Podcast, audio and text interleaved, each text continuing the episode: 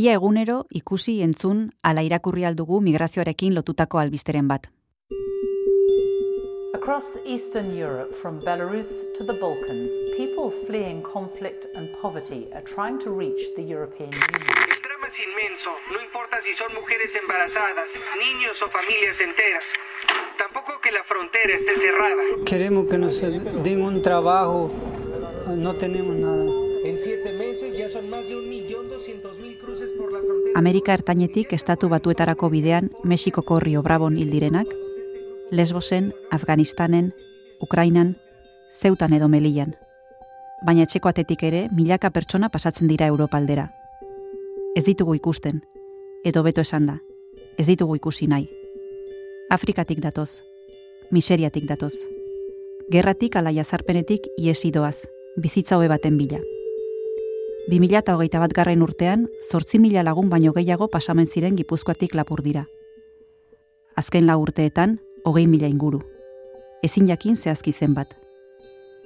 Baina azken hilabeteotan, zazpi pertsona hil dira itota bidasoa ibaia zeharkatu nahian. Hoiek zifrak dira, zenbaki hotzak. Baina podcast honetan haien aurpegiak aurrez aurre jarri, haien begiradak ikusi eta haien ahotsak entzungo ditugu. Baita motxila batean kabitzen diren bizitza batzuk ezagutu ere. Bila, bila, joan gera, buelta ma otra, otostas, hau hemendikan ikusten Pagu. dute bilatzen horrela, eta Ari ginen bilatzen lekua, eta pentsatu dugu igualan edo. Ez hemen egoten gera, baina hori, gortitugu mailak era hementxe, eta montu batean joan gera. Irun Gipuzkoako bigarren hiri handiena da. Lapurdi eta Nafarroarekin egiten du muga, eta bertan sortu da migrantei laguntzeko herritar mugimendu bat. Irungo harrera sarea. Badira urte batzuk jada, udaletxeko plazan, San Juan plazan, Irungo talde honek karpa bat egunero jartzen duela Frantziarako bidean muga pasa nahi duten migrantei harrera egin, informazioa eman eta behar dutenak gurutze gorrira bideratzeko. Harrera elkarteko gari garaialderekin elkartu gara bertan. Hola. Comme ça, non Hau da, eta bai, motxila. Motxila faut quitter. Aixa bolikostako geitala urteko emakume gaztea da. 2008 bateko abuztuaren hogeian iritsi zen irunera. Lau hilabete lehenago, apirilean, hogeita bi egun eman zituen Atlantiko itsasoan, kaiuko batean, nora ezean. Hiru aste hoietan, berarekin bidaiatzen zuten hogeita lau lagun hil ziren. Aixa eta beste pertsona batek soilik iraun zuten bizirik helikoptero militar batek erreskatatu zituen arte. Orain, irundik endaiara pasa nahi du, baina aurrean topatu du arresi ikusezina.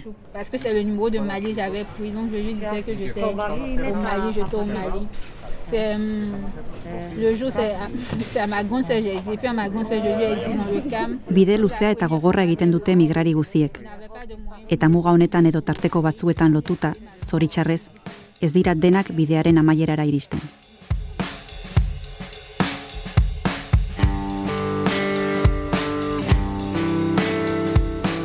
Kristina Tapia naiz, eta hau Arresi ikusizina podcastaren lehen atala da. Arresia.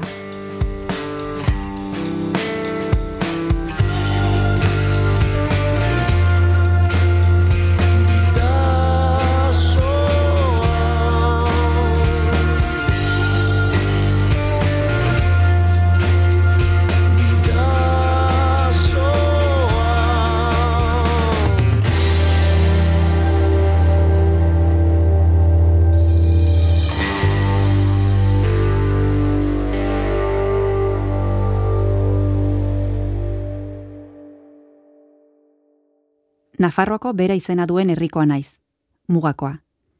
Gure eskualdean, bidasoa ibaiaren baiaran, mugaren presentziarekin bizi izan gara aspalditik, eta oraindik ere bizi gara. Nafarroak eta Gipuzkoak lapurdirekin egiten dute muga bidasoan zehar. Baina baita eta bereziki, Espainiako eta Frantziako estatuek ere.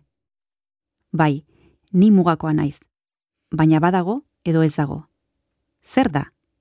Muga bat edo arresi bat?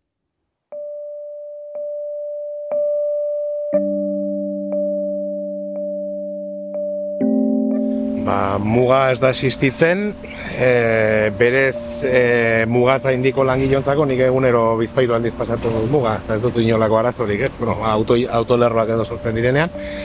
E, bai hau eta bai Santiago Zubikoa, ze bueno, hau urruña eta e, iruna artekoa da, Santiago Zubian endaia iruna artekoa, hogeita labor dut daude, eta bueno, badire egunak e, zorrotzago jokatzen dutenak beste batzuk ez, baina hor bai ematen dire ba, nik uste dut jendeak ez dakizkin edo jakinarazten ez diren oso realitate gordinak. Koldo nagusia antxeta irratiko kazetaria da. Endaia, Irun, Urruña, Biriatu, Ondarribia eta berako informazioa lantzen duen tokiko edabidea. Mugaren bi aldeetan lan egiten dute eta hango errealitatea ondo baino beto ezagutzen dute. Ni betza, atzo aixak esaten zegoen, noa mugana eta ez dakiz zer, Tantzimo eta zuek, netzako ez dago mugari. Zer gaina, tantu, ah, zenbat, nola hitzaitun zuten frantzesez, eta zakiz, eba segon gure, eta eba kasko, eta esan eske, eba frantzian bizi da. Ai, eta muga, netzako ez dago mugarik, nik muga pasatu dugunean amabost, aldiz berdin zait, ez netzako, muga dago zuretzako. Ja. Zuretzako, mm, etorkina zerelako, baino baita ere, oza, zu hemengoa izango bazinare eta beltza, segurazki, ni baino asko zara zoi izango. Pasatuko zinateke, baino eskatuko lizute pa, e, papera Denbora. denetak. Ni ez, nik ez dut arazorik. Baina, bueno, Entzun dugun hau gari garaialde da. Irungo harrera sareko kidea. Duela urte batzuk elkartera hurbildu zen. Hasieran argazkilari gisa interesa zuelako. Orain voluntarioa da. hiru beltz, eizten dira autobusetika, eta zuk daukazu iaia seguro, ba, pintagatik eta, bueno, ba, etorkinak gerala, eta nahi duzu ko- konfiantza bat sortu beraiekin. Beraiek zurekin etorri daitezen gurutze gorrira. Zer esaten diozu? Zalemiziko galdera hori Hori da, net, net zer esaten diozu, nola esaten diozu? Inmigrantea zera, ilegala zera, e, baduzu lotako lekurik, edo zein galdera izan daiteke.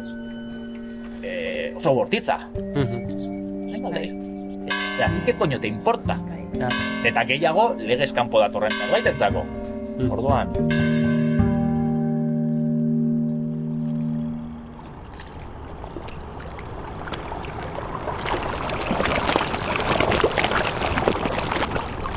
Urrengo itzordua ondarribian dugu. Bidasoa ibaia itsasoratzen den herrian.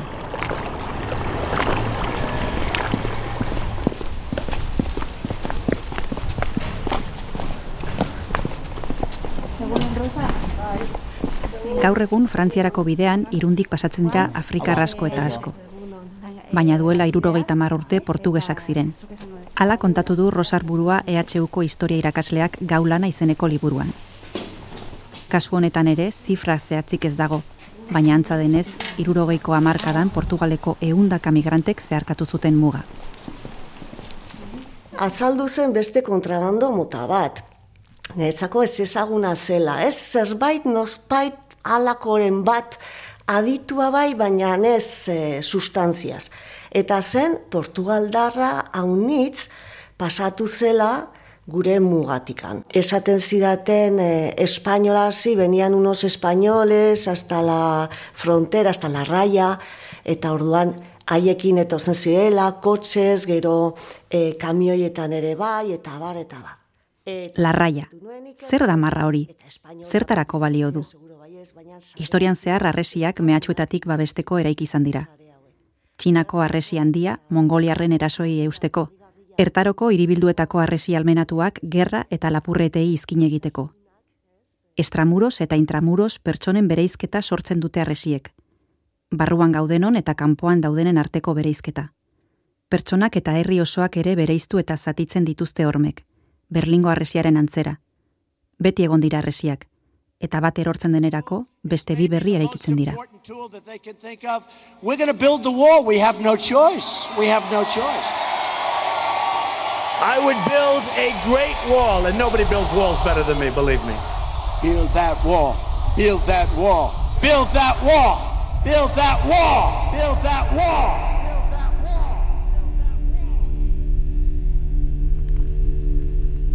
Eta gurea, zer da? Guk ere baldugu arresi bat. Nolakoa da? Nola funtzionatzen du?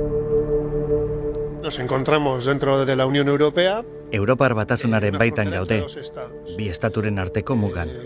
En el esto ligado con el contexto jurídico. Hori testu inguru juridiko instituzionalarekin lotuta dago, eta honela ulertu behar dugu, bi estatu subirano dira, baina Europar batasunaren barruan kokatzen dira. Izan ere, mila bederatzieun da laurogeita bosgarren urtetik aurrera, teorian, mugako kontrolak desagertzen joan ziren eta erabateko mugikortasun egoera sortu zen. De, una, de la creación de una eh, euroregión. Eta euroeskualde horretako biztanleak nolabaiteko normaltasunez mugitzen hasi ziren lurralde batetik bestera. Eh, normalidad entre un territorio y el otro. Iker Barbero EHUko administrazio zuzenbideko irakaslea da. Berak bi mugamota ezberdintzen ditu. Batetik, bi estatu desberdin banatzen dituztenak. Adibidez, Estatu Batuak eta Mexiko edo Europar Batasuna eta Marokoren artekoak. Eta bestetik, Europar Batasunaren estatuen arteko mugak. Espainian eta Frantzian eskubidak berberak dira. Ez ordea, Turkian, Libian edo Marokon. Sucede una doble cuestión. Europar batasunak muga hoiei limiteak jartzen dizkio. Hau da, gero eta muga handiagoak sortzen ditu. Baina aldi berean, beste aldean dagoen estatuari agintzen dio muga hoiek kontrolatzeko. El control de esas fronteras. Estados como Marruecos. Maroko, Turkia eta Libia bezalako estatuak non eskubideen bermeak oso txikiak baitira edo zuzenean ez baitira existitzen.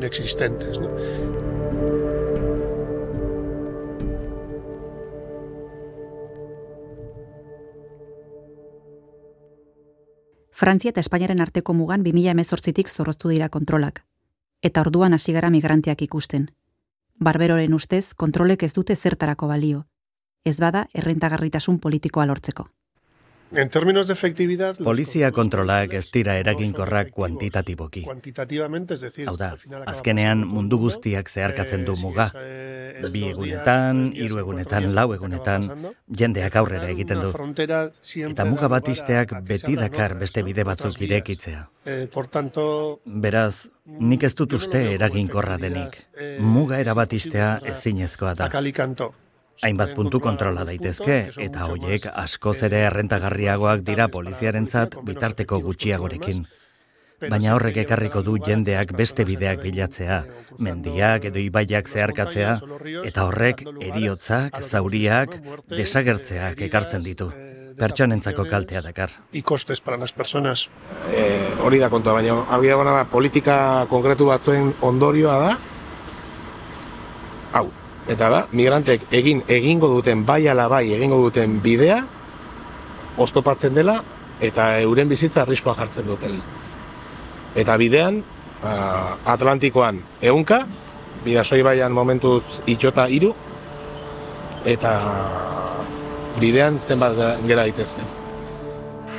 Bidasoako uretan gertatu da ezbeharra amaikak aldera piraguan zebiltzan lagun batzuek atzeman dute gorpua, Santiago aurre uartearen inguruan, eta larrialdi zerbitzuek atera dute. Iparralde eta hegoaldeko muga gurutzatu nahian zebilen pertsona migratzaia da hildakoa, da hildakoa. Indarlatza inguruan, Nafarroa eta Gipuzkoa arteko mugan, goizeko amaiketan padel surfa egiten ari zen kirolari batek aurkitu du gorpua. Sos deiak deitu eta larrialdi direla. Eun metro inguru daude irun eta endaia zeharkatzen dituen ibai honetan. Bidazo ibaia trampa bihurtu da Europa erdialdera heldu nahi duten migratzaileentzat atzokoarekin hiru dira aurten ibaian itxota hil direnak eta egoera horri Mendiak eta ibaiak aspalditik urutzatu izan ditugu hemen.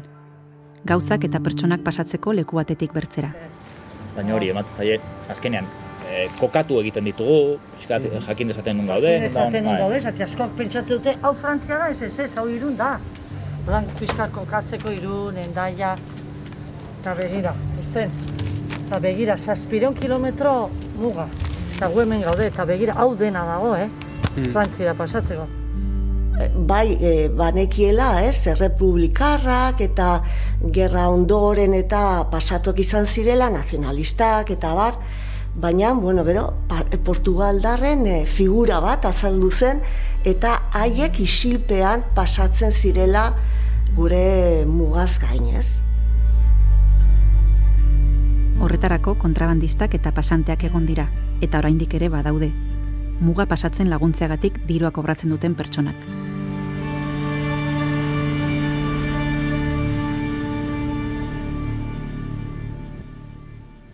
Nerezako pasantena oso oso gaikora pilotsua da. E, ez da hain erresa e, hori egiten, baina badakigu irunera iritsi direnerako media bezala, e, bi bat mila euro pagatu du bakoitzak mm, mm, leku bateko edo besteko pasantei e, e, kaiukoan edo bateran sartzeko, basamortua e, gurutzatzeko, kartzelatik atetzeko. Kontrabandista reziklatuak izango dira? Bai, muga dagoen leku guztetan egon dire beti egon da, eta eta gainera e, e, pasatzen ditugu gaiak, baino jendea pasatu behar baldin bada, lehen jandu gana. Portugesak pasatzeko eta denak badakigu ez portugesa bakarrik erabiltzen da portugesetaz. Baina hemendik badakigu beste jende bat ere pasatu dela azkeneko berrogeita hamar urtetan. Ja, mugan gaude, hemen e, e, mugalariak jendea ba, ba, kobratu gabe e, e, ideal politiko bat atine baldin baduzu, Baina, muga dagoen lekuan, jendeak muga alde bat ibestea partu baldin badu, beti dago norbait, hortan laguntzen duena. Batzuk diruagatik ingo dute, beste batzuk ingo dute e, sinesten dutelako, Afrikarrena baino gertukoagoa egiten zaigu Portugaldarren ala Ukraniarren kasua. Behar bada, gure antza gehiago dutela iruditzen zaigulako. Auzokoak direlako. Agian, gu geure antzeko bideak eginak garelako. Zenbat euskaldu joan ziren Frantziara, Alemaniara, Ameriketara. Gerratik iesi edo lanbila. Eta ez pentsa, hau, hain aspaldiko kontua denik.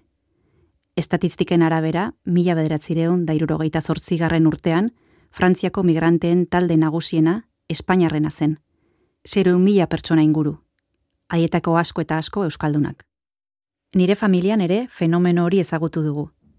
Irurogeiko amarkadan, Atatxi Elias estatu batuetako koloradora joan zen eta hiru urte terdi eman zituen hango mendietan hartzai gisalan egiten. Eta hori baino lehenago, Nafarroako bortziriak eskualdean kontrabandista izan zen, bertzeak bertze.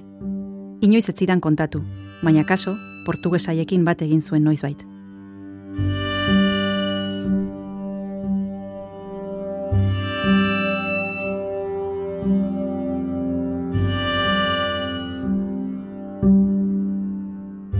Orduan, zergatik da orain ezberdina. Noiztik hasi da muga arresi bihurtzen.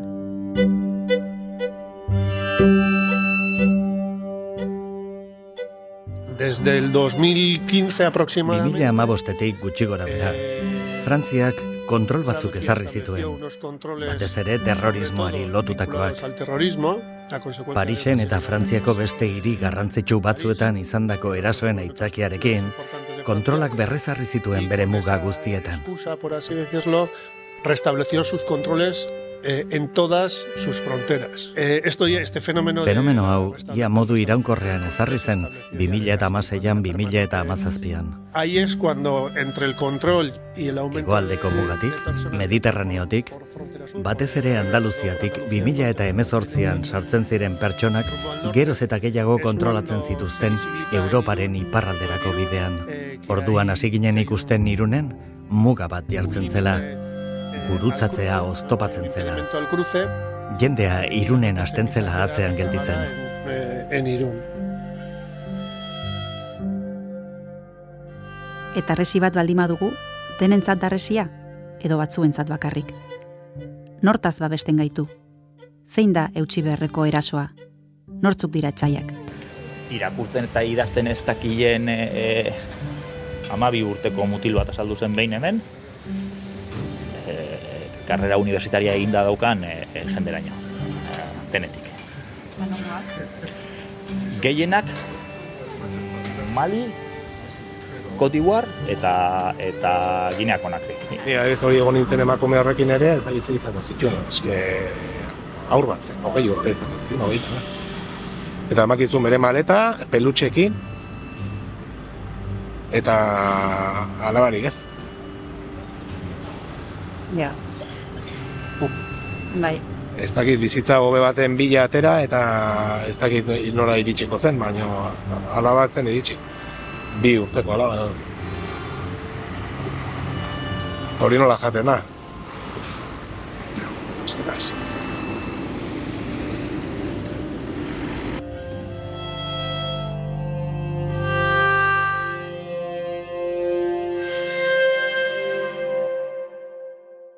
Orduan zein da etxaia?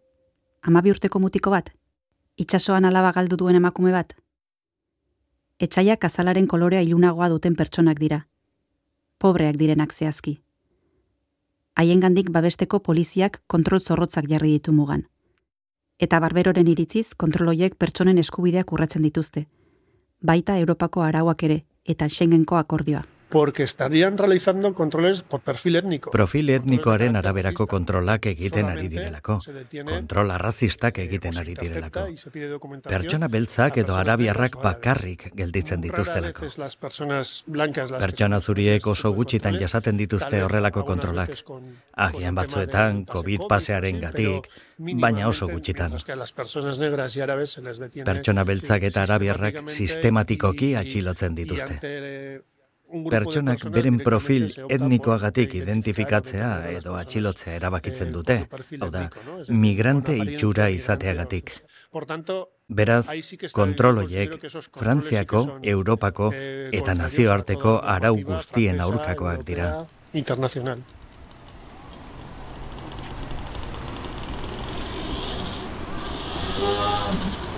Eta hemen gaude, Orain, bai. Irunen, Eta... Hau, irungo behobia da, eta e, zubiaren beste aldean e, urruñako pausu. Beraz, bueno, urruñako pausu... Biriatuko zubian gaudelarik, geure begiekin egiaztatu izan dugu Frantziako poliziak kontrol arrazistak egiten dituela. Azal zuririk ez duten gidari guztiei alto eman eta paperak eskatzen dizkiete. Baita furgoneta susmagarriak harakatu ere. Eta orain gelditzen ari dira, bai, gero furgonetak, bai, ikusten dugu hemen mutiko gazte hau, furgonetarekin, furgonetak e, kristali juna baldin badituzu, e, normalean horiek gelditzen bituzte beti ikusteko ea... Ea norbait dagoen. Ea, bai, edo migranteren bat, edo zeo zer, bai, engarraiatzen duzun, bai. Bueno, furgoneta da matematiko, eh? Bai, furgonetak bai. E, tapatua dutenak edo kristala beltzak eta ez ba ondo ikusten bai. Hor dago, eta bilatu behar duzu, ze hau kaskenean pasa ingo dire. Pasa ingo dire, gu hemen egon edo ez egon, polizia egon edo ez egon, pasa ingo dire.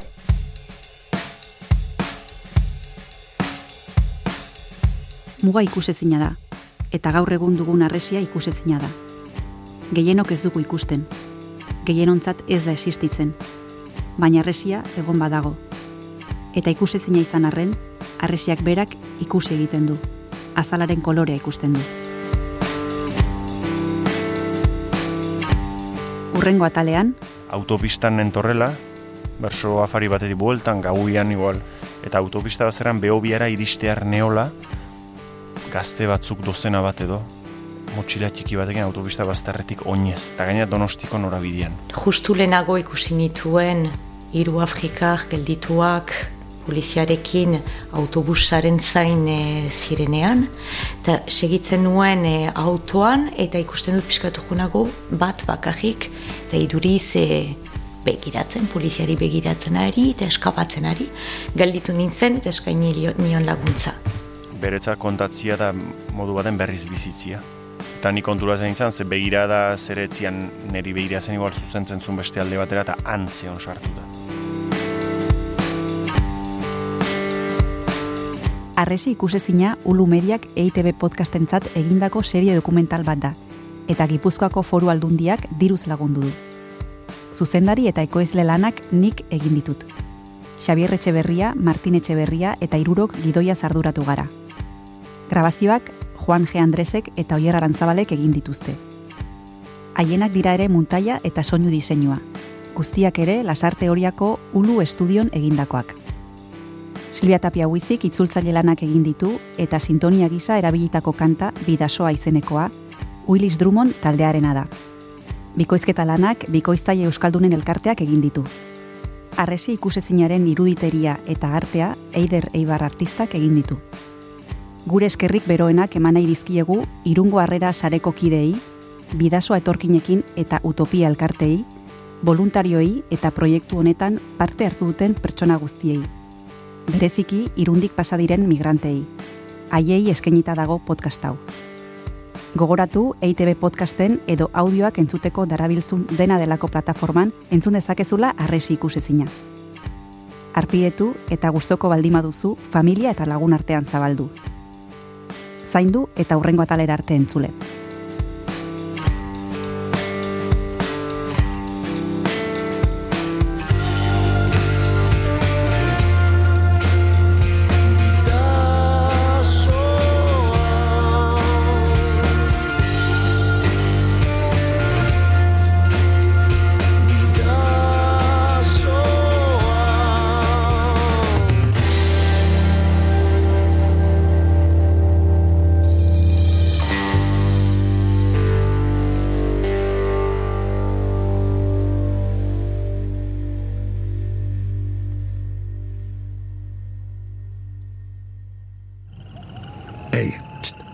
Entzun hori.